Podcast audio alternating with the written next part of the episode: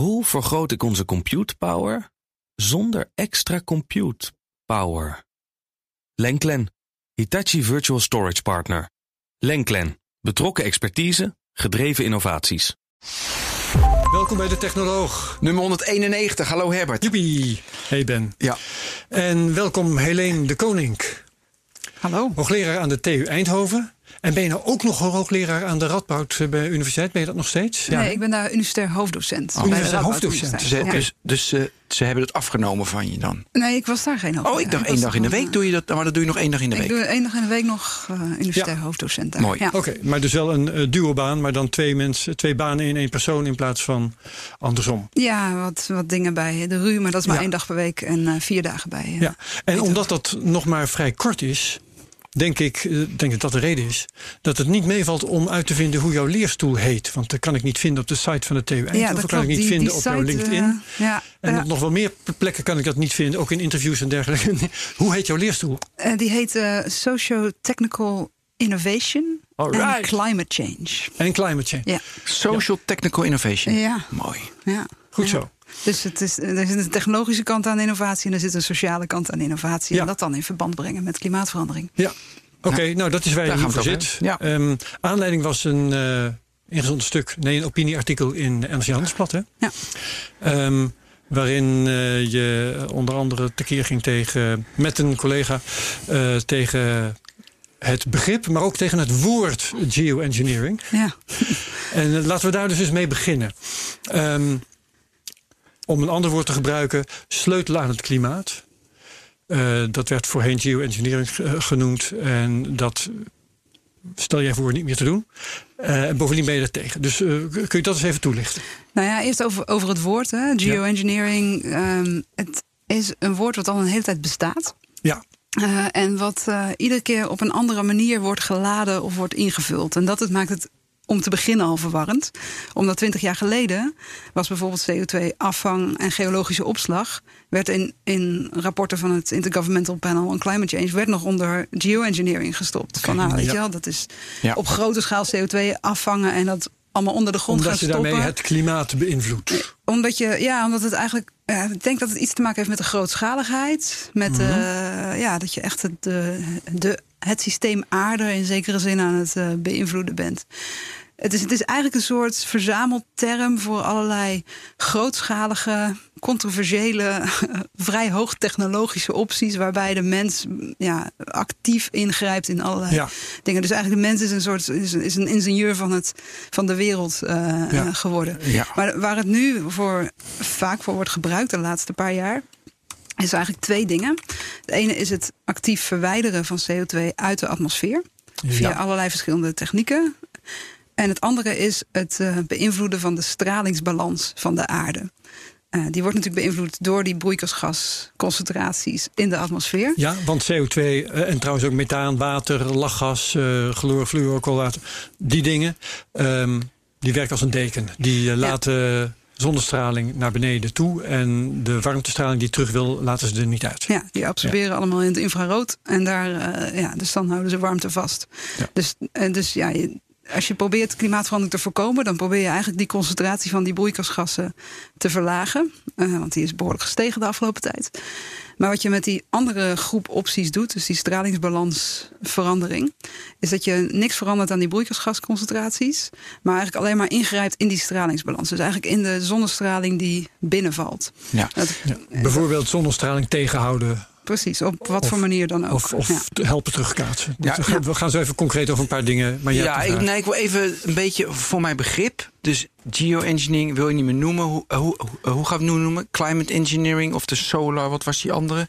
We hebben solar radiation management. Klimaatsleutelen heb ik Ja, ja. Zullen we dat maar even doen? ja, klimaatsle- ja of, of klimaatengineering of ja, dat, soort ja. begrippen. Stralingsbalansverandering, dat soort eh, dingen. Daar heb je ja. heel veel methodes voor. Ik zou het heel leuk vinden. Eh, in, in NSC las ik tien verschillende methodes. Van bosbeplanten tot aan spiegels in de ruimte. Ja, Maar ja, dat bosbeplant, dat, is, dat gaat dus over die Dat- ja, dat is- dat is niet. We Ja, het moet- onderscheid dus even moeten daar hebben. een soort muur tussen Oké, zetten dus wat jij- mij betreft. Daar ja, dus je integratie, adoptie en climate engineering. Die drie dingen hebben we. Eh, Ja, En waar wil jij de grenzen stellen? nou ja, ik, je hebt, je hebt, je hebt die, alles wat te maken heeft met broeikasgassen. Ja. Dat zit bij in de mitigatiehoek. Ja. Ja, dus zowel het beperken van de emissie, waardoor de broeikasgasconcentratie niet verder stijgen, als het reduceren of het trek, onttrekken van CO2 en misschien andere broeikasgassen Ja. uit de atmosfeer, bijvoorbeeld met bossen. Dus dat is allemaal mitigatie. Mag ik het zo Ehm, ja, noemen? dat is, ja, precies. Ja. En de andere categorie is eh, ja, heel natuurwetenschappelijk als je alleen maar ingrijpt op de, de watt per square meter. Dus echt de, de zonnestraling, de energie die binnenvalt.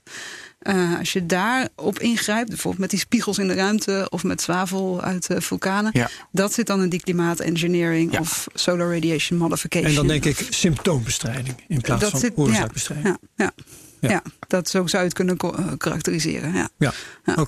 Nou En ja, wou, Ben, ja, nou eh, ja, ik vind het hartstikke technieken leuk. bespreken. Ja, dat vind ik mooi. Dat is een technoloog. Dus over die ruimtespiegels wil ik dan alles weten. Maar ook, eh, weet je, wolken boven zee oplichten. Uitdunnen van cirruswolken. Ja, jongen, je hebt echt je hebt tien had je daar. Volgens mij krijg jij meteen de zin om het te doen. Ja, ja. Kijk, jij vindt het allemaal onzin Ja, natuurlijk. Want jij bent weer van de, meer van de mitigatie, heb ik gehoord. Ik heb al die colleges, ja, niet allemaal, maar een paar colleges gevolgd. Gaaf trouwens. Eh, maar dat hele science fiction-achtige... Ja, weet je, wij zijn hier ook bezig met de toekomst. Dus begin maar gewoon met de spiegels. Nou ja, ja. Of is dat echt ver weg? De, dat is behoorlijk hypothetisch. Maar, maar eh, die. ehm, en ik moet zeggen dat ik ook van die individuele technieken niet zo heel veel weet. Behalve misschien die zwavel, die stratospheric aerosol injection. Daar kan ik Yes, misschien iets meer ook over vertellen. ja. Die andere dingen zijn. ehm, ehm, ja, of echt eigenlijk nauwelijks onderzocht. Het is gewoon een theorietje dat... i- Ja, het is een Ja, idee bijna. Echt Ja, soort, eh, en daar kun je eventueel wat aan modelleren, maar dat wordt ook op een hele eh, ruwe manier gedaan. Ehm, maar goed, het komt erop neer dat je eigenlijk ja, in, de, in de ruimte probeert ehm, een, een gedeelte van het zonlicht al terug, te kaatsen. kaatsen. En het eigenlijk een soort schaduw eh, op de aarde eh, te, werk, eh, te werpen. In, in principe, of in theorie, ehm, kan het natuurlijk werken. Als je, als je doel is minder zonlicht toe, toelaten en je houdt er iets voor, ja, dat werkt. Ja.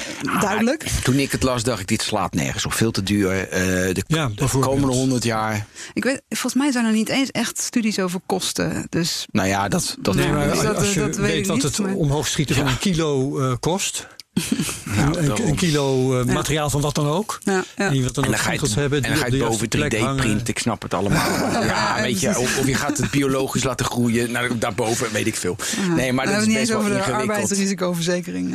Ja, dus, Precies, en de vervuiling door, eh Door tig raketten, raketlanceringen. ja. Nou ja, dus maar goed, dus dat, maar als je kijkt naar die, die, die, die nou ja, theoretische ideeën van dat zonlicht eh, Ja. beïnvloeden, of klimaatengineering, ja, dan is eigenlijk degene waar het meeste naar gekeken wordt, is die, eh, die vulkaanuitbarstingen. Ja, Nou, die is dat- ook leuk, Dat hè? is de, eigenlijk de, degene ja, waar ook ooit Paul Krutse Ja. eh, een artikeltje over heeft geschreven. heb ik misschien niet goed opgelet, maar die, die heb je toch niet in de hand, vulkaanuitbarstingen? Nee, vulkaanuitbarstingen niet. maar eh, wat, wat er gebeurt bij een vulkaanuitbarsting is dat er heel veel zwavel en Ja, ja. eh, deeltjes in Zeker. de eh, lagere stratosfeer, hogere troposfeer komen, dus hoog in de atmosfeer. En, eh, en dat, dat koelt de aarde. Ja. Dus als bij een flinke vulkaanuitbarsting, dan zie je dat ook echt terug in de mondiale temperatuurreeks. Dus daar kun je uit afleiden, als je de aarde wil koelen, nou, dan moet je dat Ja. proberen na te doen. En dan heb je wat je wil. En, en daar komt eigenlijk die, ja, die inspiratie vandaan om, eh, om te kijken naar, naar die vorm van eh, klimaatengineering. Ik heb ook wel eens eh, gelezen dat na de uitbarsting van de Krakatau in 18 zoveel, ik weet niet of iemand hier het 1886. Dankjewel Ben. Eh, dat er een jaar Goed, zonder hoor. zomer volgde. Ja, ja, precies. Omdat er zoveel in de atmosfeer was gestoten Ja. dat het gewoon niet meer warm werd die ja, zomer. Pinatubo is ook. eh, ja, je ziet het in de temperatuurreeksen. Ja. Eh, gewoon heel duidelijk terug. Ik zat trouwens. Ik heb. ja, Wat heb je in je mijn, zak? Wat heb je? ik heb gewoon iets in mijn zak. Wat goed. Wat, wat hebben we? Oh, de streepjescode van temperatuur. eh, ja, wat de- gaaf. Ja, een mondkapje. Ik ga het beschrijven. Een Oh, dat is mondkapje. Een waarbij je de mondkapje. een opwarming van de... afstaan. Ja. Ja, we, oh, we de camera. waar je de ja. camera, ja. Ja, maar niemand kijkt naar YouTube. nog, nog niet, nog niet, maar Oh, het gaat niet. heel erg groeien nu. Maar de groei Maar van de... de, de, de, de, de rode jaren, zeg maar, hierin, die reeks, dit Is- zijn dat de is warme, dit zijn de afwijkingen ten opzichte van een, eh, het gemiddelde eh, klimaat in. Wat een goed verhaal Dit is dit. een mooie, hè? Ja. Maar, maar hij goed, heeft- een aantal van die koelere jaren, die, eh, die kunnen ook gewoon koeler zijn, omdat er een flinke eh, vulkaanuitbarsting was. Bijvoorbeeld in 1991 was Ja, er een grote. ja, En dat zie je dus terug in de, in de reeks. Dus dat dempt, het is ook zo, het dempt de opwarming. Maar de vraag is natuurlijk, wat zijn de verdere effecten? Want je bent ook een, ja, weer een experiment, bovenop een experiment wat we sowieso al aan het doen zijn Ja. eh, aan het doen. En wat er nu, tot nu toe aan studies over is, is ja, die, die, die zetten eigenlijk die watt per square meter, waar ik het, die is die watt per vierkante meter waar ik het over had, Ja. zetten hem een klein beetje naar beneden. Ja. Eh, en zien dan, oh, inderdaad, de temperatuur gaat ook naar beneden. En vervolgens ja, moet je natuurlijk ook kijken van wat, wat doet dat met neerslag eh, hier en daar. Wat gebeurt er met de moesson? Ja. Wat, eh, wat heeft het voor- verder voor effecten? Zwavelverbindingen zijn toch ook niet helemaal eh, neutraal? Ik bedoel, eh, als ze vroeg of laat beneden komen, dan heb je er misschien ook last van. Ja, dat, dat, waarschijnlijk valt dat wel mee, want het regent gewoon uit. Mhm. En eh, ja, natuurlijk heb je ook dat soort eh, de verschijnselen. Dus daar maken mensen zich wat minder zorgen over. Het is meer. En, Maar- en en die 10.000 uitstoot zit natuurlijk heel hoog. weet je het niet. ja. Maar zijn er dus wel, even, dus ehm, eh, onderzoekers van Harvard, die doen experimenten hiermee in Amerika. ja, op Toch? hele kleine schaal. Ja. Op, oh ja, op hele kleine schaal. Met vliegtuigen brengen ze dat in de lucht. Ehm, en dan zeg je, je weet niet de volledige ecosysteemconsequenties. Daar doen ze nog onderzoek naar en da- daar Ja, en mee mee. landbouwsysteem en waterhuishouding. Eh, eh, en onze, he- onze hele aarde. Ja, ja. Maar dat is natuurlijk wel bijna inherent aan een technologische toepassing. Dat je de consequenties niet kan overzien. En je moet zo flexibel, snel mogelijk omgaan met die consequenties. Of is dit, is dit echt atoombomachtig? Nou ja, dit is wel echt een mondiale eh, insteek. Dus je bent echt op een mondiaal niveau aan het proberen je atmosferische chemie te veranderen eigenlijk. En daar, ehm, eh, ja, we weten gewoon niet zo goed hoe we dat kunnen bestuderen. Onze modellen zijn eigenlijk niet goed genoeg om dat echt goed door te kunnen rekenen. Want de atmosfeer is gewoon een heel complex systeem. Dat zie je het weer. Dat zie je het weer. Ja, dat kunnen we een tijdje van tevoren. ehm, dus de grote patronen, weet je wel, Ninjo, de moesson in India, waar een half miljard mensen van afhankelijk zijn voor hun voedselvoorziening. Je weet niet zo goed wat daarmee gaat gebeuren. Dus je, in theorie gaat het werken, en dat concluderen we ook in dat laatste IPCC-rapport over anderhalve graad. In theorie koelt Waar het aan inderdaad de aarde. hebt, hè? even tussen. Ik een van de hoofdauteurs van was. Ja.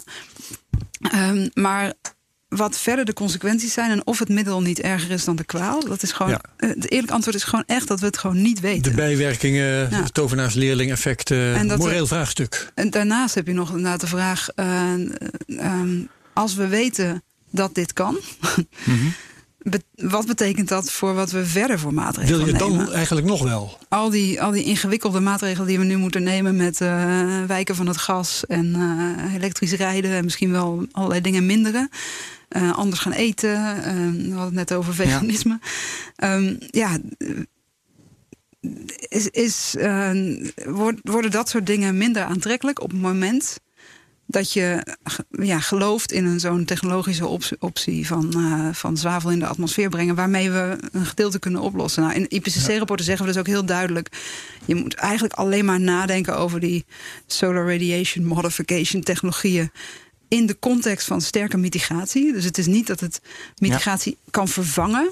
Het kan het misschien een heel klein beetje van die temperatuur overshoot boven anderhalve graad of zo afschaven. maar Ja. je moet er niet aan denken van een echt een complete vervanging. En het, maar het gevaar is dat op het moment dat het op de agenda staat, dat dan eh, de meeste mensen daar gewoon heel redelijk over nadenken. Maar misschien een paar mensen denken: oh, we gaan daar wel echt veel meer op inzetten. En dan wordt het ook Ja. aantrekkelijker. Dan wordt er in geïnvesteerd. dan worden er ja. belangen Er zijn bij. eh, komen we zeggen erbij. vette industriële belangen die Dan- dit ja, wel dat- graag zouden zien. Eh, precies, die, Ja. ja. en dat, dat, eh, dat risico heb je ook op het moment dat je daar eh, op in gaat zetten. En Ja. ik moet zeggen, ook in dat IPCC-rapport, als auteurs hebben we daar echt wel over nagedacht. Van hoeveel aandacht kunnen we geven aan dit soort technologieën ten koste dan, want we hebben een bepaald be- beperkt aantal pagina's. Ehm, hoeveel moeten we nou aan deze technologie geven ver- vergeleken met energiebesparing bijvoorbeeld, of eh, duurzame energie? Of, eh, Maar kan je dit niet vergelijken met, eh, een, disruptieve eh, met een disruptieve technologie die je moet uittesten, proberen, simulaties draaien en dat je bomen plant, ja, dat is een no-brainer. En dat je minder vlees eet, dat is een no-brainer. Dus dat je dat onderscheid gaat maken. nou of ja, dat hebben jullie in het rapport niet gedaan? wa- waar we in het rapport we hebben eigenlijk gekeken naar een aantal systeemveranderingen die nodig zijn. Eh, landsysteem, land- en ecosysteemveranderingen, uh, energiesysteemverandering, industriële systeemverandering bijvoorbeeld. Ehm, maar eigenlijk is er niet zo heel veel disruptiefs aan deze technologie. Want eh, iets wat disruptief is, wat echt een systeemverandering teweeg brengt, dat betekent ook dat jij je gedrag gaat veranderen. En het hele doel van deze Dat je het gedrag is, dat je eigenlijk zo, zo min mogelijk verandert. Maar dat je Ja. met eh, buiten je blikveld toch eh, nou, in ieder geval het probleem van opwarming gaat, eh, gaat oplossen. Ja, en bij het IPCC, eh, daar zeggen jullie dus eigenlijk... eh, ja, je zou, als je maar genoeg doet aan eh, het wegnemen van de oorzaak, die mitigatie... dan zou je nog een toefje van dit bovenop kunnen doen... eh, om nog net je doel te bereiken. Maar aan de andere kant, dat kan zoveel eh, lobby's eh, loslaten... dat eh, de maatregelen die jullie de juiste vinden... misschien niet eens meer aan de orde komen. Ja, kijk, wat, wat IPCC mag eigenlijk niks voorschrijven. Hè? Dus eigenlijk wat we zeggen is alleen maar de wetenschap. We vatten de wetenschap samen. Ja. Ehm, in, die, in die rapporten. We geven geen advies. We zeggen ook niet van deze technologie is slecht en deze is goed. Ehm, maar we zetten de voor- en nadelen op een rijtje. En wat we concluderen over ja, die solar radiation modification technologieën is dat ze in theorie zouden kunnen werken om de aarde te koelen. Maar dat er enorme risico's en onzekerheden in zitten. Ehm, dat er eh, uitdagingen zijn op het gebied van hoe je dat gaat reguleren en, en managen eigenlijk. Ja. Ehm, stel dat één land besluit, een heel kwetsbaar land bijvoorbeeld, nou, weet je wel, Tuvalu of zo, wat bijna onderloopt en Ja. het hele land kwijtraakt door nou ja, anderhalf of zelfs twee graden de temperatuurstijging. Ehm, stel dat die eh, Bill Gates weet te overtuigen van, eh, eh, van nou, ja, betaal maar een paar van die vliegtuigen. Waarschijnlijk Oh ja. heeft Bill Gates daar ongeveer genoeg geld voor. Het is niet zo heel duur, namelijk. Ehm, maar wat dan als die moesson in India inderdaad wegblijft? Weet je wel? Is de, ja, wie maakt die afweging? Ja. Eh, en wat we over het algemeen zien bij dat soort afwegingen, en sorry, dat is helemaal niet technologisch. eh, Nee, maar het maar sociale is- aspect is ook belangrijk. is dat, het, eh, is dat degene die de minst krachtige stem hebben, dat die over het algemeen ook in technologische ontwikkelingen aan het kortste eind trekken. En dat is juist precies het probleem wat we proberen te voorkomen met iets doen aan klimaatverandering, wat ook een heel erg onrechtvaardigheid probleem is eigenlijk, Mhm. waarin de, degene die de meeste emissies hebben over het algemeen de rijkste zijn en degene Ja. die het armste zijn en het, het kwetsbaarst zijn. Ja. Ja. Dus ja, dus het kan, misschien, ja, weet je wel, zijn de problemen aan het oplossen, maar eh, Weet je, ja. mag ik? Ik vind, ik vind die maakbaarheid zo, zo interessant nu. Want nu gaan we met technologie gaan we het klimaat proberen te beheersen of beïnvloeden of mitigeren, minder klimaatverandering enzovoort. En dan denk ik aan corona. Weet je, we dachten alles te kunnen beheersen. Komt er een virus en dan ineens, oh, de natuur die heeft ook iets anders in petto. Of die doet wat anders. Wij zijn de natuur. Maar dat we het niet kunnen beheersen vinden we natuurlijk moeilijk. En dat zit ook heel erg hierin. Want hier zit weer de vooruitgangs ja, de, ja, dus de vooruitgangsgedachte dat wij dat wel even doen in de toekomst. Maar dat, dat is natuurlijk ook nog maar de vraag. Ja. En dat vind ik, dat heb ik zelf altijd, die tweespalt heb ik. Van de ene Ja. kant denk ik, ja, weet je, dat, dat regel je toch. En aan de andere kant denk ik van, ja, dag, je bent gewoon natuur en je bent een mens. En dat is onmogelijk. Ja, jij noemt het vooruitgangsgedachte. Eh, ik zou het genoemd hebben technologieoptimisme. Toch eh, de technologie- problemen die de Ja. technologie veroorzaakt, die lossen we wel weer op met technologie. Dan, eh, want dat zijn we gewend. Ja. Ja, en ik denk dat ja, in het IPC-rapport zeggen we daar ook wat over, zeg maar. En daar zeggen we eigenlijk van ja, de oplossing zit dus in die systeemverandering. En een systeem is nooit alleen maar technologie. Technologie hangt altijd samen met gedrag en met een, eh, een institutionele context. Dus we zeggen eigenlijk, als je die systeemveranderingen wil krijgen, die ons onder de anderhalf graad kunnen houden, dan heb je gedragsverandering nodig, technologische innovatie, beleid, eh, samenwerking, governance. eh, de financiële sector moet wat. En je hebt mensen nodig die Ja. capaciteit hebben, die iets kunnen eh, Ja. doen. En dat heb je allemaal nodig. En anders, ja, als je het alleen maar Ja. op technologische innovatie doet, is Dat lukt gewoon niet. niet voldoende. Maar Helene, noem nu eens een voorbeeld in de geschiedenis van de mensheid... waarbij wij een systeemverandering teweeg brachten, de mensheid... zonder verwoesting erbij.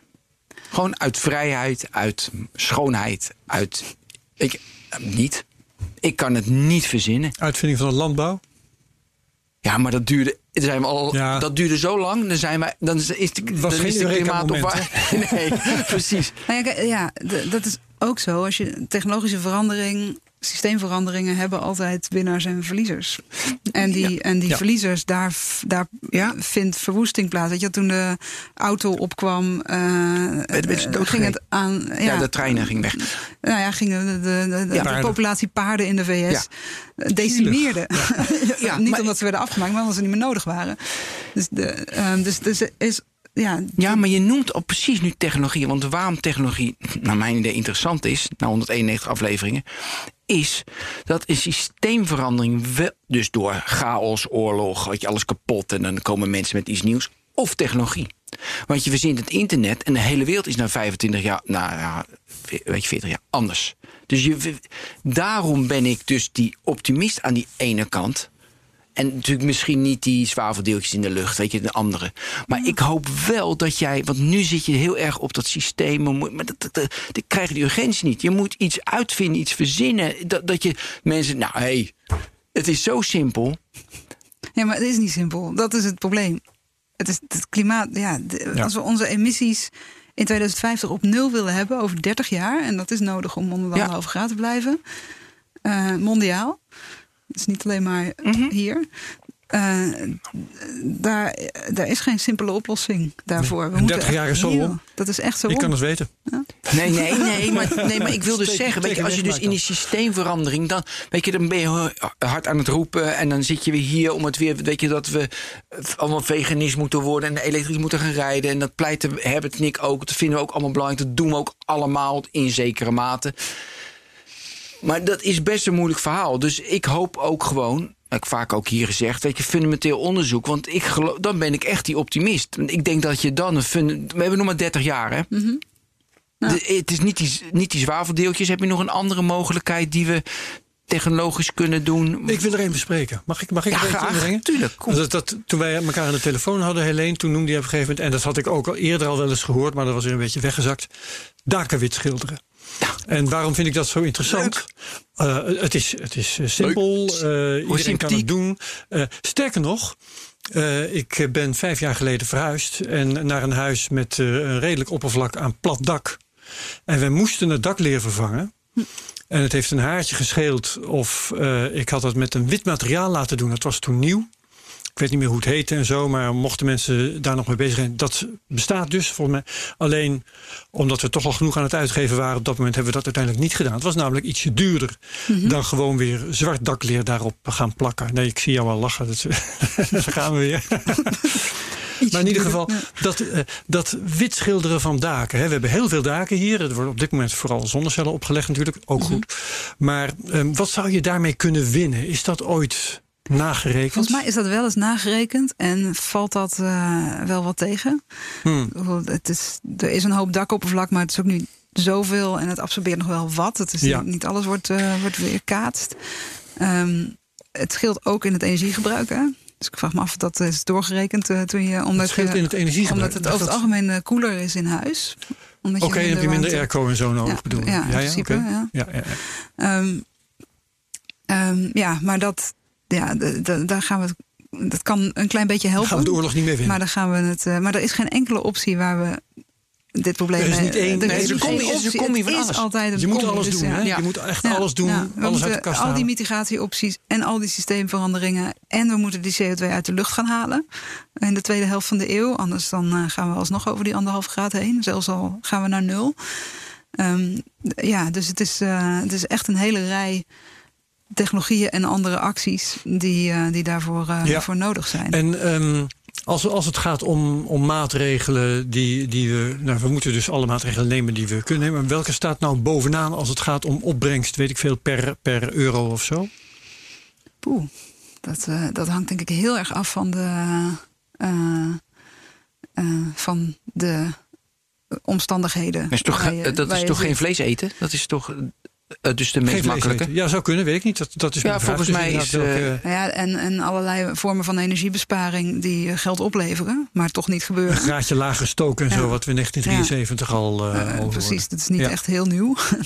Ehm, Nee, of eh, maar min- wel minder autorijden. Nou, heb als je gewoon ergens niet heen gaat, Ja. dan, dan. eh, Dus de vraag is ook: wat is je referentiekader? Dus dat is eigenlijk het is echt een ongelooflijk moeilijke vraag. Ja, ja, Ehm, ja. die, eh, dus het is ieder, ieder persoon heeft zijn eigen afweging. Weet je, de een vindt het uh, oké okay om veganist te worden, de ander vindt dat heel moeilijk. Ja. De een vindt het oké okay om uh, op uh, een kleine oppervlakte te gaan wonen en minder spullen ja. te hebben. De ander vindt dat heel moeilijk. Dat is inderdaad opvallend dus als je met mensen praat. Hè. De een zegt van ja, ik, ja ik, ik, vlieg niet meer. Ik snap niet dat niet iedereen dat doet. En de ander zegt ik eet geen vlees meer. Ik snap niet dat niet iedereen dat doet, want het is zo makkelijk. Terwijl het dus inderdaad per persoon heel erg kan verschillen. En ook per land. Hè. Ik bedoel, het ene land kiest deze strategie, de andere land de andere strategie. Dat hangt af van uh, wat de politieke omstandigheden zijn, hoe de cultuur in elkaar zit, wat ze nu al voor industrie hebben, wat de natuurlijke hulpbronnen zijn. Uh, ja. Dus het is, er is niet één antwoord. Uh, er is ook niet één, weet je, het ene land kan ook sneller dan het andere land door allerlei omstandigheden. Even bijvoorbeeld een financiële sector die wil investeren. Uh, of toevallig een politieke wind die een bepaalde kant op waait. Dus het is, ja, het is, er is ook niet één antwoord wat dat betreft. En dat maakt ook bijvoorbeeld internationale samenwerking best ingewikkeld. Ja. Uh, omdat ja, je probeert eigenlijk dat probeer ik heel veel modellen en heel veel uh, analisten zeggen van nou die proberen te zeggen van nou dit land uh, zou meer moeten doen, want in vergelijking met het andere land doen ze minder of zo. Maar de omstandigheden zijn soms gewoon dat, dat de kosten hoger liggen. Bijvoorbeeld de kosten voor klimaatmitigatie, de plannen van de Europese Commissie voor Polen. Zijn als je het overslaat naar het bruto nationaal product twee keer zo hoog als die van Duitsland. Ja. En dus vandaar dat ze zo moeilijk doen. dat is een, en, ja, dus wel met je, recht. Ja, ja, dus ja. Ze, hebben, ze hebben wel een punt. Dus ja. ja. dan moet je elkaar gaan helpen. En binnen Europa gaat dat misschien nog wel, maar gaat dat ook, uh, weet je wel, naar China, die mm. ons tegelijkertijd uh, beconcurreert, in ieder geval die, uh, die indruk wordt gewekt. En dan, ja. dan wordt het dus ingewikkeld om internationaal daarop samen te werken, terwijl dat natuurlijk wel nodig is. Want als iedereen het alleen gaat doen, dan, uh, dan kom je samen kom je wel echt verder. Ja, ja nee, het is ook een soort, hoe noem je dat weer? Tragedy of the commons. Ja, Waarbij uh, als, als de een maatregelen neemt, dan heeft hij vooral zelf daar de kosten van, terwijl de hele wereld profiteert. Ja. En dan wordt het alleen maar uh, lucratiever voor de ander om diezelfde maatregelen niet te nemen. Ja, ja en daar, daar kun je natuurlijk ook wel mee spelen. Ja, en, vind ik ook. En die, want als je bijvoorbeeld emissiereductiedoelstellingen gaat afspreken per land. Wat nou, een beetje is losgelaten in het Parijsakkoord. Mm. Maar eerder hadden we dat wel met het Kyoto-protocol. Um, eigenlijk is het een wonder dat dat überhaupt is afgesproken. En het is ook niet heel uh, verbazend dat de VS zich daaruit terugtrokken. Want de situatie voor de VS was in 2000 of zo. Van nou, die, voelde, die voelden zichzelf niet heel erg kwetsbaar voor klimaatverandering. Die zeggen, nou, weet je, de kosten voor klimaatverandering laten gebeuren zijn voor ons niet heel hoog. Maar we zijn wel een heel erg fossiele economie. Dus de kosten voor mitigatie ja. zijn wel heel hoog. Dus hoge kosten, lage opbrengsten. Um, sterker nog, de opbrengsten gaan eigenlijk naar de kwetsbare landen. Ja. Die eigenlijk het minste betalen voor Fiji. Precies. dus, dus, waarom zouden ze dat doen? Ja, een land handelt toch behoorlijk in eigen belang. Ja. Um, en het ligt natuurlijk vaak subtieler, maar dat is in ieder geval. Als je dus afspraken maakt over puur over emissiereductie, ja, dan krijg je dat niet. Als je afspraken zou maken over technologieuitrol of zo. Uh, en de VS was op dat moment nog wel echt de heer en meester in het technologieland in de wereld. Dan kun je misschien zeggen van nou, daar heeft de VS wel belang bij. Dus dan zijn ze misschien eerder geneigd om internationaal daarop samen te werken. Dus dan probeer je belangenconstellatie een beetje anders te maken. Door het, um, in feite doe je natuurlijk hetzelfde, want je reduceert uiteindelijk ook emissies. Maar je maakt over andere dingen afspraken, waardoor het duidelijker wordt voor landen hoe hun, uh, wat ze er zelf aan kunnen verdienen.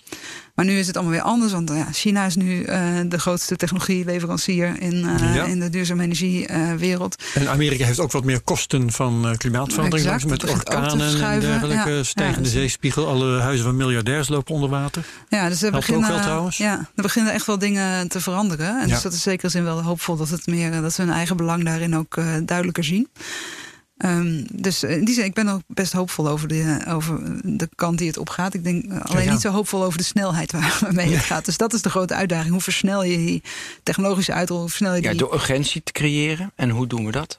Doordat er nog meer uh, record berichten in uh, Siberië van 38 graden en dat soort berichten, waardoor nou, door mondkapjes te dragen met temperatuur, door mondkapje, uh, beelden. een eigen.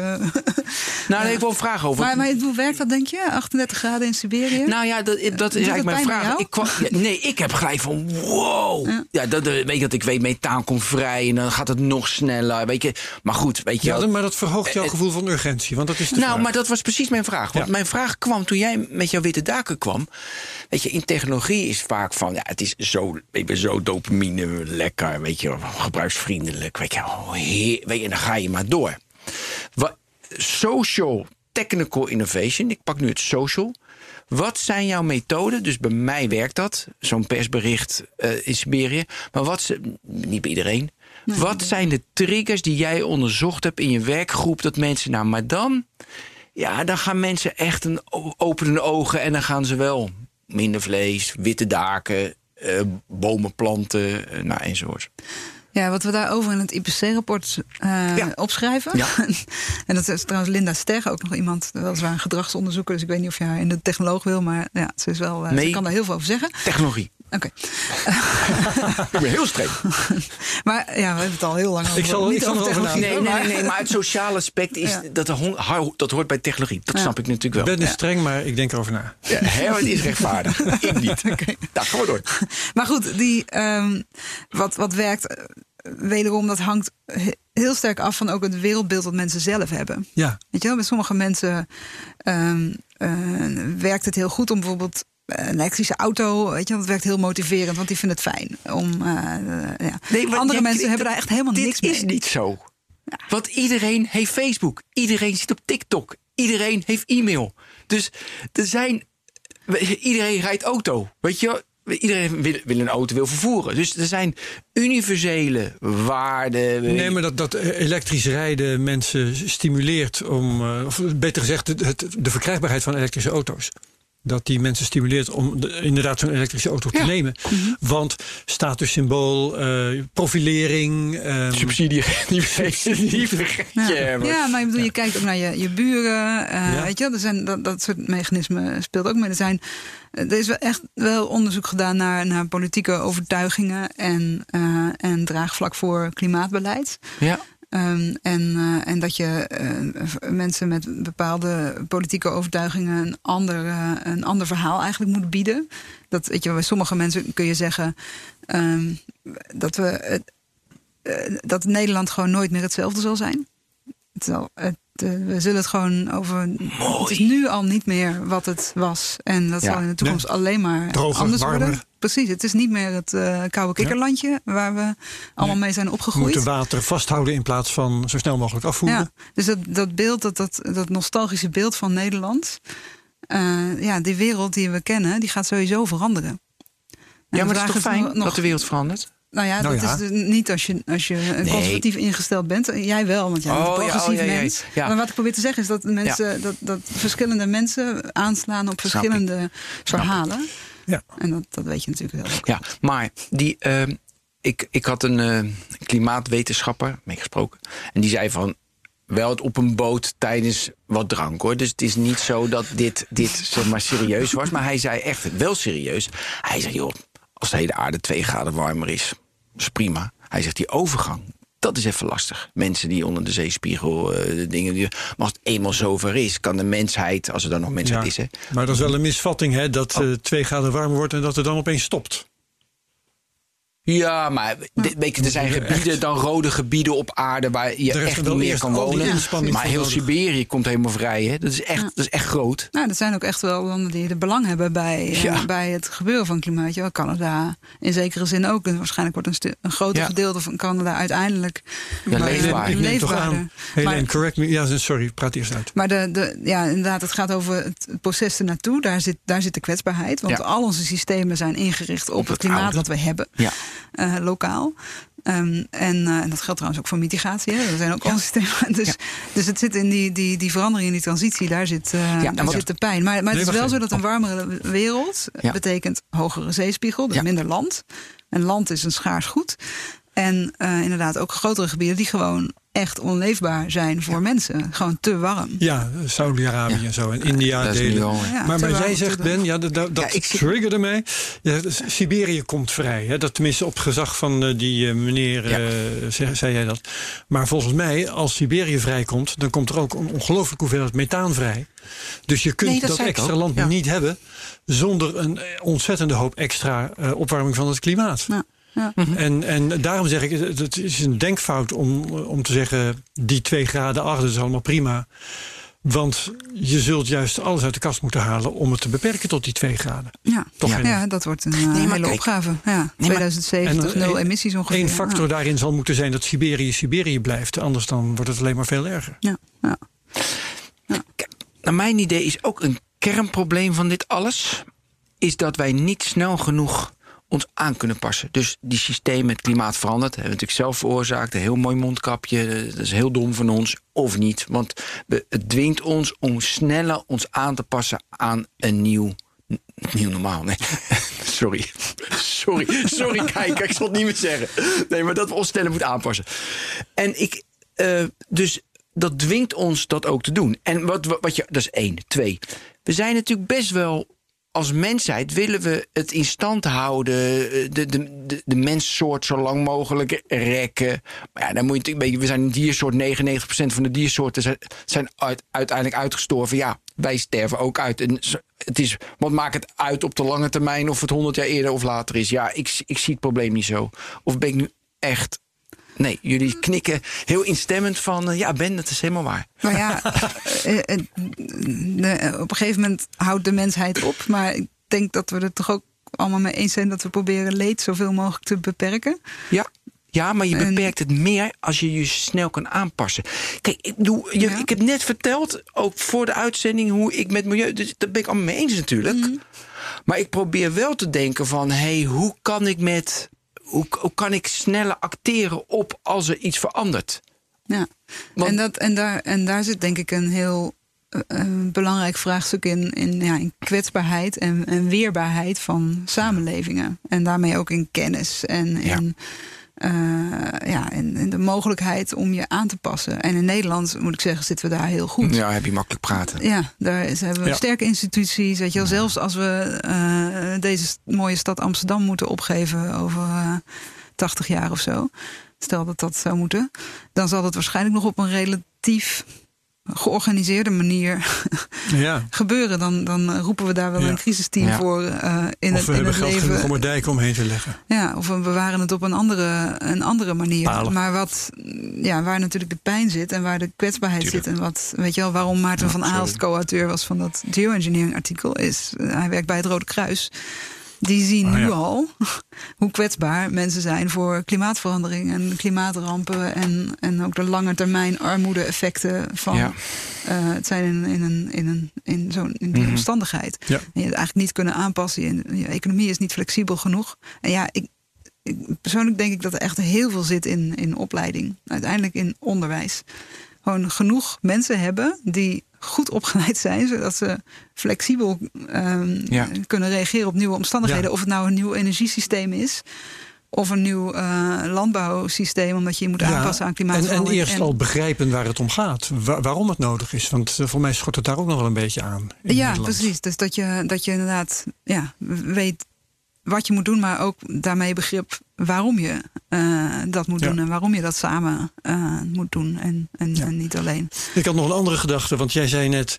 eh, allerlei mensen hebben verschillende achtergronden... en hebben dus verschillende redenen om al of niet de, de, dingen die nu nodig zijn te accepteren. En hebben andere argumenten nodig om dat dan misschien alsnog te gaan doen. En toen zei jij, Ben, iets over... nou ja, laten die veranderingen maar plaatsvinden... en daarna organiseren we de samenleving wel weer. Ehm, dat... Nou, daar, ja, daarmee, je verdraait het nu wel hoor, Oh, ja? Blankenstein. nu zit je me echt in een hoek te drukken. gaat te kort door de bocht hier. Ja, maar dat vind ik wel fijn, kort door de bocht, dus kom maar op. Nou, ehm, je, je, je kunt zeggen, die, dat nieuwe normaal, of hoe je het dan ook wilt noemen, dat, eh, daar, daar wennen, we- de samenleving went daar wel aan. Er zijn een paar dingen volgens mij die dan. Een samenleving kan daar redelijk snel op reageren, de natuur niet. Eh, dus er gaan hele rare dingen gebeuren, maar er gaan ook met de samenleving rare dingen gebeuren. Want ehm, Nederland zou dat wel aankunnen, maar allerlei plekken op de rest van de wereld niet. En dan krijgen we dan in Nederland toch ook mee te maken. Kijk even naar jou, tuurlijk. Helene. Want Ja, we zitten natuurlijk niet Ja. in een postzegel hier. eh, Ja, precies. Dus, dus stromen vluchtelingen en ik weet niet wat allemaal.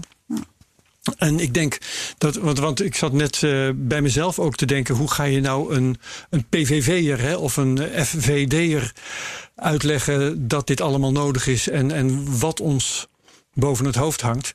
En dan denk ik, misschien moet je die, die categorie uit de samenleving uh, uh, inpeperen. Dat Ja. het hun kinderen en hun kleinkinderen zijn die hier rechtstreeks mee te maken krijgen. Dan wordt het toch wel persoonlijk. Nou ja, Kijk dat is ook even naar ook wat, eh, wat, wat eh, Greta Thunberg, eh, waar zij een soort personificatie van Ja. is. Ja. wel, maar toch wordt zij verguisd in, eh in, dat is ook weer zo. kringen. Ja. Dus Ja, het is op is de blijkbaar toch een Toch argument wat niet... Ja, je zou zeggen dat iedereen geeft om zijn eh, kleinkinderen. Maar Ja. de, ehm, en dat, weet je wel, de Russians love their children too. Nee, maar Maar, maar dat, eh, ja, er zijn andere wereldbeelden en andere geloven over of het überhaupt een probleem wordt. Ja. Of dat je überhaupt iets kan doen aan het probleem en in welke categorieën die oplossingen zitten. Weet je, meer publieke sector of minder. ehm, of je überhaupt de instituties wel kunt vertrouwen. ehm, nou ja, dus Ja, welke- de- het is veel complexer dan dat, denk ik. Ja, Eh, ja, ja, ja. Ja, maar ik, we, verwachten wel van jou dat je die complexiteit, weet je, die heb je nu geschetst. Maar dat we wel met vier bullet points. Nee, juist niet. Nee, maar weet je, het is wel belangrijk dat we ook. Oké, voor mij helder, dan moet ik dit doen, of dit gebeurt, er, of dit gebeurt. er. Kun je. Of hebben we de complexiteit onvoldoende nog geschetst? Volgens mij nu wel. Volgens mij is het inherente voor mij- aan dit soort eh, wicked problems, van Ja, die complexe mooi. Problemen, ja. Dat, dat je eh, dat, dat die vier bullet points waar je dus niet om vraagt. Nee. maar zelfs dat een antwoord van een wetenschapper nooit volledig kan zijn. Zelfs niet zo'n eh, enorme generalist als ik. Nee. Eh, ik, bedoel, ik. Ik kan wel zeggen in welke welke richtingen elementen, ik ga richtingen? zitten eh, zoeken. En het zit voor mij in die samenwerking van die, eh, van die voorwaardelijkheden. Van gedrag, van technologie, van beleid, van, van de financiële sector. Die een heel andere dynamiek weer heeft. En van menselijke capaciteit en van samenwerking. En hoe die verschillende elementen, het zijn er zes die ik net opnoemde, elkaar eh, kunnen versterken. En als die elkaar kunnen versterken, dan, kun je, dan krijg je een soort zichzelf versterkende cyclus. En, daar, en daarna op zoek gaan, zeg maar, van waar, op welke, welke knoppen kun je dan drukken om daar iets in te doen. Kun je daar iets, überhaupt iets over zeggen? Dat is de eerste vraag natuurlijk. Ja. Want dat, eh, er zit ook een soort maakbaarheid die er misschien wel helemaal niet is. Maar eh, daar, daar probeer ik. eh, Ja, en dat is theoretisch. En kun je in die zes elementen praktisch in de wereld en het rapport natuurlijk, maar wa- waar dit zo in kaart wordt gebracht of geëxperimenteerd of gedaan, dat je denkt van hé, hey, ja, Nou, een voorbeeld dat ik wel eens geef. eh, en ja, dat werkt niet helemaal, maar dan krijg je een beetje een idee. is eh, dat, eh, wel, dat is twee jaar geleden was het geloof ik of zo. Er kwam in het nieuws dat de vleesverkoop in supermarkten met 9% was gedaald tussen 2017 en 2018 of zo. En het aantal vleesvervangers wat verkocht was al met 50% gestegen, de omzet. Ehm, dat is puur gedragsverandering, hè? want er was nauwelijks beleid op. Eh, dus dat is echt Kwam wat mensen onderuit. doen. Ja, Van- het kwam ja. echt, dat is het in onderaf. categorie gedrag. Ja. Vervolgens, het was in een berichtje van de NOS of zo, eh, werd ook een Fion eh, geïnterviewd en een slager. En dus echt mensen die in die vleesbranche zitten. En die zeiden van, ja, weet je wel, het is wel niet echt onze, onze stil. Maar wij zijn ook vegaburgers gaan verkopen. En wij zijn ook Ja. een productlijn gaan ontwikkelen op het gebied van vleesvervangers. Want daar zit de groei. En als dat is gebeurd, dan krijg je ook in de financiële sector ehm, die aandeelhouders zijn Ja. van die bedrijven eh, die eh, veel van die Ja, markt beheersen. eigen belang. Die zeggen van, oh, wij willen liever investeren in een groeimarkt. En in bedrijven die die groeiende markt begrijpen dan in een krimpmarkt. Ja. Dus dan krijg je daar dat daar het geld heen gaat. Dat betekent ook dat daar de innovatie gaat gebeuren. Dus die vleesvervangers worden steeds beter. En er wordt eigenlijk niet zoveel meer geïnnoveerd in, eh, in, de, in de vleesbranche. die vleesvervangers worden eh, goedkoper, aantrekkelijker, Ja. lekkerder. Gaan meer mensen die kopen. En dan krijg je dus wat een vliegwiel. een, een vliegwiel, ja. Ja. Dat en dat, dat soort processen, die moet je hebben in allerlei sectoren. Weet je, in de mobiliteit. En, die, de- en daar moet je volgens mij naar op zoek. In plaats van alleen maar een prijsprikkel zetten. Wat Ja, nu heel ik vaak vind het dit beleid een is. heel prettig voorbeeld. Ja, Maar eh, of is te veel maar gevraagd? daarvoor is wel noodzakelijk dat er om te beginnen een beweging spontaan plaatsvindt. Nou ja, het kan ook beginnen bij kunt- technologische innovatie. Hè? Ja. Ik bedoel, Mhm. Daar kan het ook beginnen. Het kan ook beginnen juist bij beleid. eh, eh, waar het wel ooit een Maar iets wat wordt. werkt en dat je dan gaat versterken. Ja, en dat het dan andere dingen beïnvloedt, waardoor je die, die zichzelf versterkende feedback loop krijgt, zeg maar. En, maar nu, mijn indruk van het beleid is op dit moment wel dat het ook bijvoorbeeld in het klimaatakkoord, dat het heel, heel sterk zit op de. We geven een financiële prikkel, een subsidie, of, eh, misschien een norm, maar dat vinden ze al behoorlijk eng. Ehm, en en dat, is, dat is het enige waarop wordt gestuurd. Terwijl heel veel mensen natuurlijk beslissingen nemen, en zelfs bedrijven Ja, beslissingen nemen op hele andere Ja, gronden. tuurlijk. Eh, dus daar, ja, dus ik denk eigenlijk dat je daar meer mee kan als Ja. je daar meer rekening mee hebt. Maar het is wel, ja, het is natuurlijk wel een, een soort gok. Ja, ja, ja. Eh, en het Nou, is heel moeilijk te voorspellen. En, en, en, en, en, en welke groep weet je, financieel eh, dus gedreven is en welke wel genutst kan worden dat je emotioneel. Exact, Dus dat ja, is natuurlijk ook een, ja. eh, ja, een Want verschil. iedereen krijgt naar terugverdientijden van zonnepanelen. Weet je Nee, wel. er zijn heel veel mensen die willen gewoon zonnepanelen. No matter what. Ja. En of die terugverdientijd zeven of negen jaar is, afhankelijk van de Ja. gasprijs. Ja. Ik wil het nog wel eens over een technologie hebben. Of Mag jij ja, iets? ik ook. Ja, zeker, zeker. Want ik heb ook eentje dat nou? hier. hier. Ja, heel is belangrijk. Ja. Nee, nog, En nog maar even. Heel kort, heel kort één.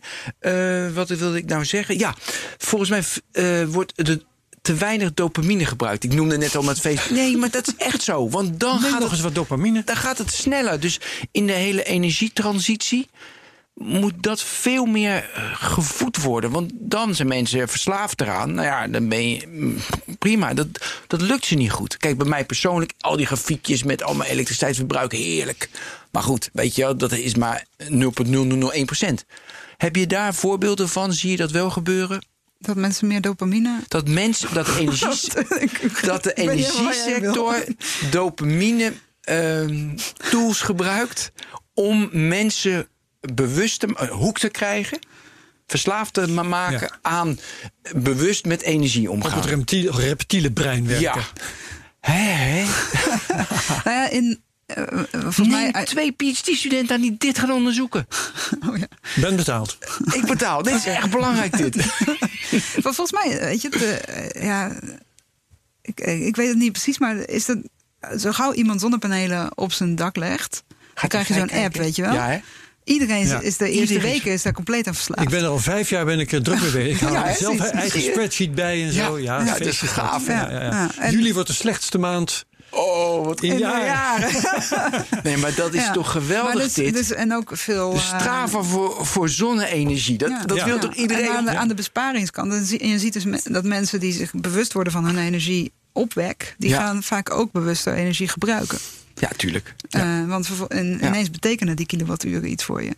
Ja. En, en, de, en dus daar, dus die, eh, die, die, die kastjes, zeg maar, die aan de muur hebt hangen, meters. de slimme meters Ja. en dat soort dingen, die, die kunnen in die zin ook een bewustwordingseffect eh, genereren, denk ik. Maar de- de- daar zijn andere mensen die daar onderzoek naar hebben gedaan. Dat weet Oh, ik eerlijk gezegd niet precies. Dat, nou, oh, dat vind ik wel bij jou passen, maar in je leerstoel.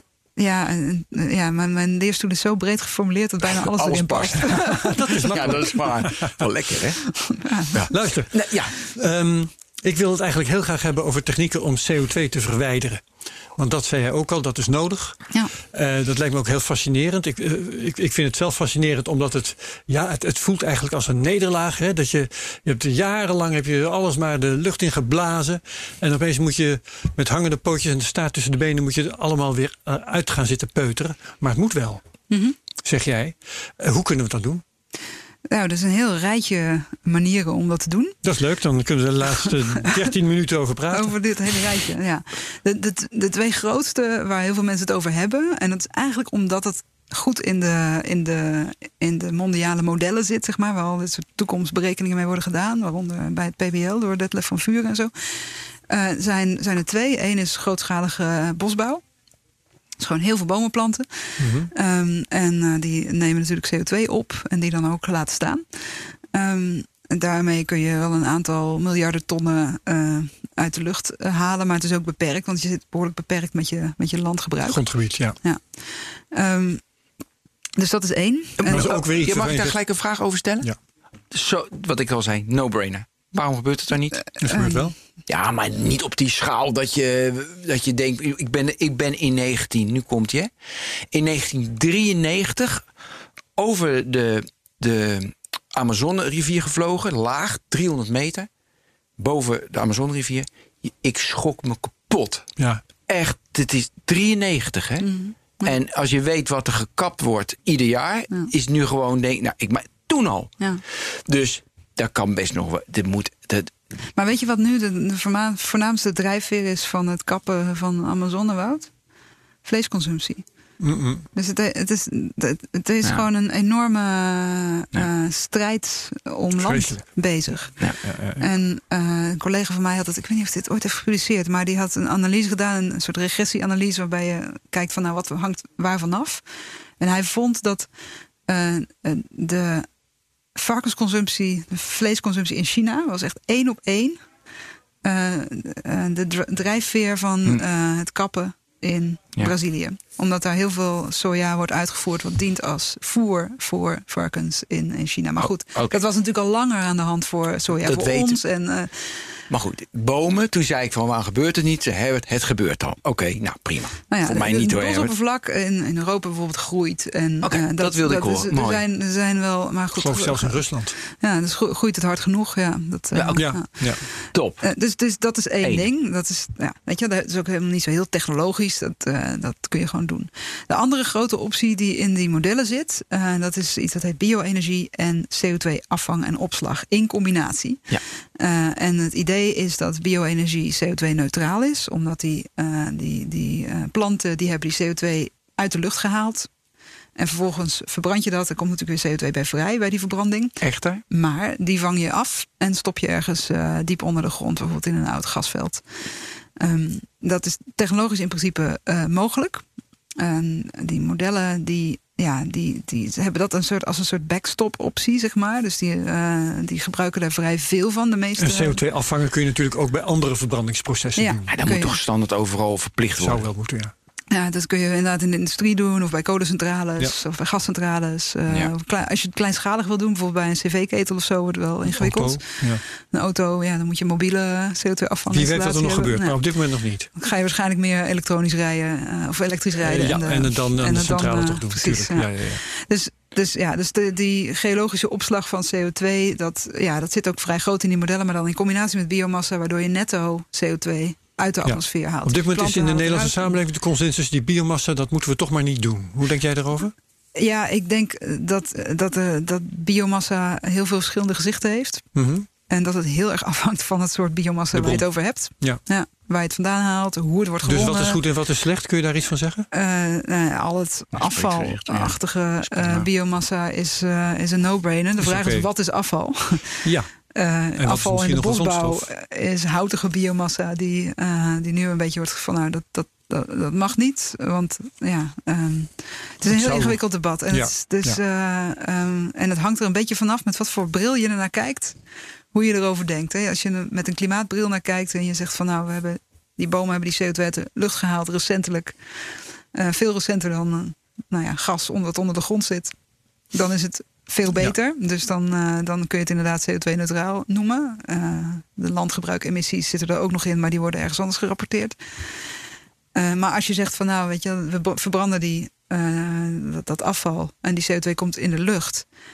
En die boom die groeit langzamer bij. Dus al de tijd dat die boom niet is bijgegroeid, zit die Ja. CO2 in de lucht. Dus dat is meer een soort ko- kost- of schuldbenadering, zeg maar. Dan krijg je een andere uitkomst van die berekening. zeg ja. maar. Dus het is echt het is een soort accountancy-vraag. En, En, daarnaast heb je nog het perspectief van meer biodiversiteit en land. Ja, Eh, Dus dus als het, als, het tekort, als het ten koste gaat van Oh ja, land, die, wat nu natuurlijk. eh, originele 2,3. biodiversiteit, ja, dan, eh, Ja. dan is het natuurlijk eh, allemaal fout. ik wilde al gaan zeggen, Ja. een, een, eh, een boom die in de eh, energiecentrale verdwijnt, die zou kunnen komen van natuur. En wat er voor terugkomt, is bijna per definitie een bomenplantage. Ja, ja. Want iedereen heeft het altijd over bomen, planten. Ja. Nou, dan krijg je van die dingen op rijtjes, weet je wel. eh, overal dezelfde boomsoort voor hectaren aan één stuk. Ja, of zelfs als je, als je, als je eh, natuur zou terugbrengen, zeg maar, dan is er nog altijd de. de- ja, een, een bos slaat ook heel veel koolstof op in de ondergrond. Ja. Ehm, daar zit de meeste zelfs. Het meeste zit onder de grond en niet boven de grond. Ehm, dus en dat eh, sterft ook af op het moment dat je die boom omhakt en komt weg. langzaam eh, vrij op de een of andere manier. En ja, dus dat, eh, ja, dus dat moet je ook meerekenen. Maar in, ja, ja, is een heel ingewikkeld debat. En ik moet ook zeggen dat ik. Duidelijk. Word je er moe de- van? Nou ja, Ik merk aan je dat je het zat bent, dat debat. Ik, het is weer zo'n optie die wordt afgeserveerd. eh, ja, terwijl, terwijl jij het echt heel moeilijk is om het helemaal zonder te doen. En omdat het, het wordt gewoon alles, alle biomassa is slecht. Weet je wel, terwijl het natuurlijk Ja. ook. Het hangt ook weer Heel af van de omstandigheden. Of het, Ja. ja. het is allemaal eh, ingewikkelder dan Ja. alleen maar afserveren. Dat vind ik wel. Het is natuurlijk wel heel goed om een goed debat hebben over duurzaamheidscriteria voor biomassa. En daar ook eerlijk in. Ja. Ja. Maar het is wel. eh, Ja, ik vind ook ja, wat, wat, ik, wat ik wel een beetje erg vind, is dat, eh, dat er ook wetenschappelijk niet meer echt een, eh, een goed gesprek over te hebben Ja. is. Dat het echt, ja, echt een vechtthema is geworden, zelfs in de wetenschap. Terwijl je dat toch met elkaar zou moeten kunnen bespreken. En, en dat is wel echt een. Eh, ja, en dan, dan weet namelijk de politiek het ook niet meer. Ja, ja. Zo. Ik wil er nog Eh, eentje in de dan- mix. Dat is wel heel gevaarlijk. Nog eentje in de mix gooien. eh, die eens in de zoveel tijd toch weer terugkomt. Olivijn. Ja. ja, Vertel. Ehm, eh, weer, ja, dat is. Kijk, dat, hoe werkt dat? S- rotsen zijn carbonaten. En carbonaten bestaan ook uit C'tjes en O'tjes. Dus die zijn ooit ontstaan door CO2 uit de lucht eh, te halen. Dat is een heel langzaam proces van nature. En ook omdat de rotsen, weet je die eh, zijn verweerd, zeg maar. Dus het verweringsproces is eigenlijk CO2-opname. Ehm, eh, als je die rotsen zou vergruizen, eh, dan heb je meer oppervlak en dan kan daar meer CO2 op worden geabsorbeerd. En dan zou je dat kunnen versnellen, dat, eh, dat proces. En sommige mineralen zijn daar beter in dan andere. Olivijn is daar beter in dan wat andere materialen. De inschattingen van hoeveel dat kan bijdragen lopen best uiteen. Ehm, je moet ook meerekenen dat je die. Als je het industrieel wil doen, dan moet je die rotsen vergruizen. Dat is energieintensief. Ja, ja, ja, Eh, ja. dus als je dat met eh, CO2-neutrale energie kunt doen, eh, die je toch over hebt of zo, Mhm. die niet ergens anders nuttig gebruikt kan worden, dan kan het, dan kan het inderdaad interessant zijn voor eh, CO2-reductie. Maar als je, weet je, als die. Als dat betekent dat de industrie bijvoorbeeld geen groene waterstof kan maken, dan is de vraag of. dat of- samen? nou ja, de, die, er is gewoon een, beperkte, een beperkt potentieel voor duurzame elektriciteit. Nu is het natuurlijk sowieso beperkt, maar zelfs in de toekomst zal het beperkt zijn. Eh, en als je, die, als je die hele economie zo wil laten draaien als nu met alle materiaalvraag die er is, dat betekent dat, je, dat daar ook een beperking in zit. Ja, hoeveel, Maar ehm, heeft dat te maken met de beschikbaarheid van olivijn of met het feit dat het zoveel energie kost? Nou, die, die CO2-balans, die Ja. hangt eh, af van, zeg maar, maar dan heb je het over per ton CO2 Mhm. ehm, eh, of per ton olivijn. eh, hangt vanaf wat je meeteenheid is.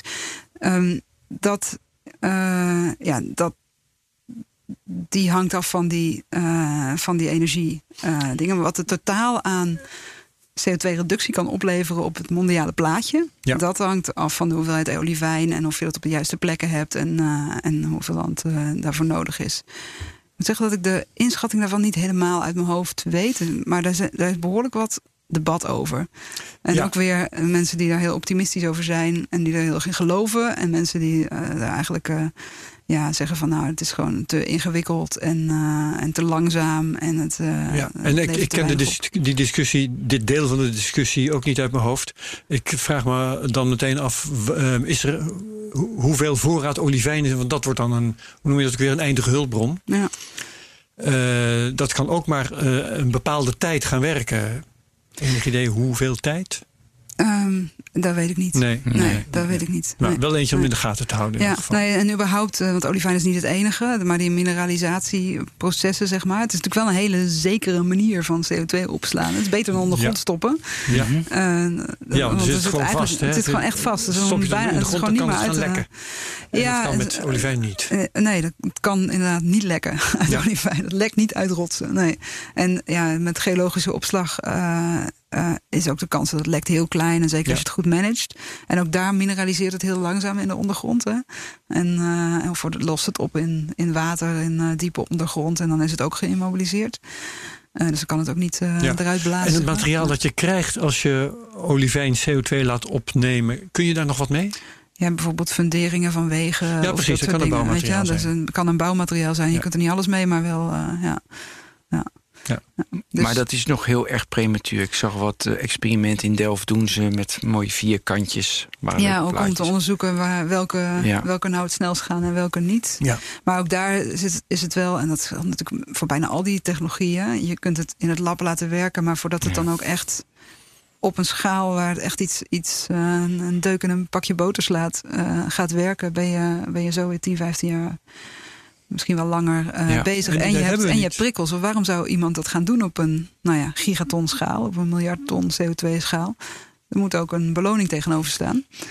Het moet Ehm, betaald worden, met andere Het woorden. moet door iemand eh, Ja. gewild worden. Ja. Ja, ja, ja, ja. Ja. Dus er moet een markt voor komen. Of ehm, ja, dat. eh, Zijn er nog andere hele premature fantasieën, technologieën die bij onderzoek nog wordt gedaan, die, die echt in de kinderschoenen staan? Nou, die. ehm, ja, ja, heel veel. Eh, noem eens iets. Ja, iets wat niet echt in de kinderschoenen meer staat, dat is die eh, andere vorm van eh, directe CO2-afvang uit de atmosfeer. Dus dat je het niet, niet Ja, met, niet met planten lippen. Ja. of, en niet met, eh, met mineralen, Ja. maar dat je het industrieel eigenlijk doet. Dat noemen ze direct air capture. Ehm, dus wat je dan doet, is je maakt eigenlijk een soort kunstmatige boom. Eh, dus je, je bouwt een installatie en er staat nu een, eh, een demonstratie bijvoorbeeld in Zwitserland. Eh, een bedrijfje, een start-up, heeft een hoop investeringen gekregen. Ja, Climeworks heet het. Is ook nog eentje in Amerika en eentje in Canada. Ehm, en die ontwikkelen technologie om CO2 uit de lucht te filteren. En wat ze dan doen is, dan komt het in een oplossing. Ehm, die moet worden gere- gegenereerd. Eh, dus dat kost warmte, dus daar zit een hoop energiegebruik. Eh, maar vervolgens moet je die CO2 ook weer ergens opslaan, want je moet er iets mee. Want het is dus niet, het is pure CO2, hè. het is niet eh, Mhm. een mineraal of een plant. Ehm, dus je hebt daar ook geologische opslag bij nodig. Ja. Dus waar kun je dat doen? Weet je, in gebieden waar eh, weinig mensen zijn. En waar ofwel vraag is naar je CO2, bijvoorbeeld als feedstock voor een industrie of zo. Of dichtbij een geologisch opslagreservoir. En waar heel veel duurzame energie beschikbaar is. Want Ja, ook dit is energie-intensief. Want Ja. je krijgt het niet gratis je uit wilt de lucht geen gefilterd. energie eh, gebruiken die weer nieuwe CO2 oplevert. Exact, ja. Want dan, eh, dan stoot je meer CO2 uit dan je uit de lucht hebt gehaald. En dat is, ja, dan, eh, Ja. eh, dat is natuurlijk niet. Ja, dus is dat die is, dat balans is, zo ongunstig dat als je fossiele je- energie zou gebruiken om CO2 uit de lucht te halen, dan maak je het alleen maar erger. Ja, ja, ja. Geweldig. Dat is Ja. wel wat de LCA's aangeven. Terwijl met duurzame energie kun je dat. eh, ja. Ja. En de, ja, daar is ook, ook dit is wel weer iets waar, eh, waar mensen graag naar kijken. Want het is inderdaad zo'n optie die wel het probleem bij de bron aanpakt. In tegenstelling tot die klimaatengineering waar we mee begonnen. Eh, maar tegelijkertijd iets waardoor je, nou ja, met wat, waardoor je jezelf eigenlijk meer tijd koopt om andere dingen eh, te doen. Want je moet met die CO2 in de atmosfeer moet je een beetje voorstellen als een soort badkuip die vol loopt. Als je boven, het, eh, boven de rand uitkomt, zeg maar, dan ben je bijvoorbeeld boven de anderhalve graad.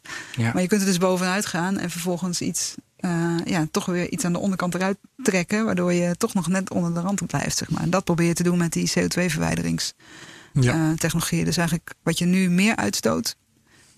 stel nou, we gaan ieder jaar dat je een ton CO2 langer uitstoot, Mhm. moet je die later uit de lucht halen met een van die technologieën Ja. waar we het net over hadden. Ik wil er nog twee bijnoemen en dat zijn meer landbouwtechnieken. Ja. Ehm, eh, dus dat zit meer in die categorie bosbouw. Ja. Eh, maar ook landbouw, ja, die slaat ook koolstof op in zekere zin. Dus je kunt landbouw eh, voeren die veel koolstof opslaat. En je kunt landbouw voeren die niet zoveel koolstof opslaat. Dus je kunt met bepaalde technieken die, die koolstofopslag versnellen of vergroten. Ehm, en eh, en dat, is- eigenlijk heeft dat heel veel voordelen, want het is ook goed voor de bodem eh, en dergelijke. En dan in ja, ontwikkelingslanden. hoe dan? En, ehm, Dus hoe doen ze dat dan met veel? ja, hoe doen ze dat precies? Dat moet ik zeggen, dat weet ik niet precies. Ik denk dat het een manier van ploegen ook is. En een bepaalde manier van. eh, Oh, toen je het vertelde, dacht ik heel, met heel veel planten. Of een container waar, waarbij je zeg maar, dingen v- verbouwen in een container met licht. Eh, wat artificieel is. Weet je, dat soort dingen. ja, Daar nee, moest ik aan nee, denken, maar dat zal nee, het niet Het zijn. is echt wel echt buiten. En, eh, of meer kalk gebruiken, waardoor dat meer bindt. En Dat soort kunnen, dingen. Ja. Ehm, en dan heb je ook nog in ontwikkelingslanden wordt heel veel ge- gekookt op, eh, op kool, kolen zeg maar, verkoolde. Ja. eh, ja. Ja. Ehm, als je, da- da- dat kun je ook op een bepaalde manier eh, genereren, waardoor je eh, meer koolstofopslag daarin krijgt. En vervolgens het restproduct daarvan, in plaats van dat er CO2 uit de lucht komt, strui- strooi je uit over het veld, wat goed is voor de eh, carbon content van de. Ja, en, maar goed, ook dat, dat soort technieken, ja, da- daar zitten ook wel hele grote vraagtekens in. Hoe implementeer je dat wereldwijd? Ja, ja, Eh, ja. En allerlei verschillende landbouwbedrijven. ehm, en ook wat zijn daarvoor de prikkels. Maar daar, dat zijn in zekere zin. De potentiële zijn wel op de miljarden ton schaal, zeg maar. Dus we slaan wel een deuk in een pakje boter, maar ook maar een deuk. het is niet, eh, weer niet de oplossing voor alles. Maar het kan wel weer bij eh, helpen bij de, de hele optelsom. Ja, ja, ja, ja. En je hebt alles nodig. Hadden we al Exact. Je vastgesteld. hebt, ja. eh, En hoe meer verschillende opties je hebt, hoe, eh, hoe meer je de druk verlicht op die ja, eh, heel landintensieve opties, zoals dat bio-energie en CCS. Ben, heb jij nog eh, vragen die echt nog gesteld moeten worden? Nee, ja, ik. Helene, wat is jouw conclusie van dit gesprek? Ik begon heel erg positief. Maar die complexiteit die het heeft, denk ik, we gaan het nooit redden. Ik, ik dacht, we gaan het allemaal redden. Anderhalve graad in, het, eh, eh, in 2050. Want ik zag allemaal techniek. eh, allemaal spiegels zag ik. Ik dacht, wordt. Maar nu je dit vertelt, denk ik. pff, wat een complexiteit, joh. Ja, nou ja, weet je, van die klimaat-engineering dingen moeten we denk ik niet hebben. Nee, en dat, dat, dat, Eh, en je dus duidelijk alles gemaakt. Wat je daarin eh, investeert, is volgens mij gewoon een eh, gevaarlijke afleiding. Ja. Ehm, er wordt nu heel weinig gekeken, ook, ook in Nederlandse onderzoeksfinanciers en zo, naar die CO2-verwijderingsopties. Daar kun je veel meer aan doen, ook in de landbouw. Ja. Ehm, dus eh, ja, er ligt gewoon. eh, het kan veel sneller. Ja. Ehm, en, eh. Maar dan moeten we wel eh, meer aan gaan doen. Nou ja, dat is jouw taak. Dan moet jij. Ik bedoel, ja. Dat is mijn taak. Ja, ja, wij allemaal. Maar jij bent, jij bent een voorloper. Jij bent Ja, maar iemand. jij taak is niet om iemand het die het kan vertellen. Wat? He- Helene, de taak is niet om het te doen. Helene, de taak is om ons ervan te overtuigen Juist. dat het moet gebeuren. Toch? He, dat, heb je dat? Eh, ja, is dat mijn, mijn taak? Mijn taak Nou is volgens nee. mij om onderzoek, Onderzoek te, te doen die, eh, Oké, die ja. nuttige informatie oplevert. Zodat mensen als jullie, Ja. die veel mensen bereiken. Nee, maar eh, dat, dat, waarschijnlijk is dat de juiste manier om het onder woorden te brengen. Maar toch meet jij jezelf een iets andere rol aan. Je bent niet alleen maar een IPPC-rapporter, waarschijnlijk wel. I- Is het nou IPPC of IPCC? IPCC. ja. IPCC-rapporter wel. Maar zoals je hier zit, ben je toch meer een pleitbezorger, vind ik. Nou ja, kijk, ik, ik, ik heb natuurlijk meegewerkt aan het rapport. Ja. En ik schrok zelf van de resultaten, moet dat ik wel zeggen. Ja. Ja. Ehm, en, eh, en ik zie ook wat er nodig is en ik zie ook hoe weinig mensen dat beseffen. Dus ja, ik zie het ook wel als mijn taak om eh, die wetenschappelijke resultaten eh, eh, ja, uit te venten. Ja. Maar ja, dus een pleitbezorger van anderhalf graad ben ik denk ik wel, want daar, ja, daar zi- zitten gewoon echt hele grote voordelen aan. Ik heb liever niet dat de koraalriffen uitste- uitsterven en, en dergelijke. Ehm, En die beleven een En omslagpunt die- hè, tussen anderhalf en twee graden. dat heb ik is, begrepen. nou ja, nee, bij, ja, bij twee graden inderdaad is ben je ongeveer alles kwijt. Ja. Ja. En bij anderhalf eh, heb je misschien nog een kwart Ja. over of zo. Ja, dat is niet veel. Ook ernstig, maar eh, Ja. ja. Ja. Ja. Ja. en dus ja, ik weet niet, ik weet niet of ik mijn, eh, mijn mandaat als wetenschapper overspeel, maar ik, ik ben, Nou. eh, ja, ik zie mezelf ook wel als iemand die, ja, die dat, dat hopelijk wat meer mensen kan vertellen, Ja, zodat ja, jullie ja. het kunnen nee, doorgeven. Ik zeg het niet als, als eh, overschrijden van een mandaat. Ik stel alleen vast volgens mij ja, dat je hier toch wel pleit ergens voor.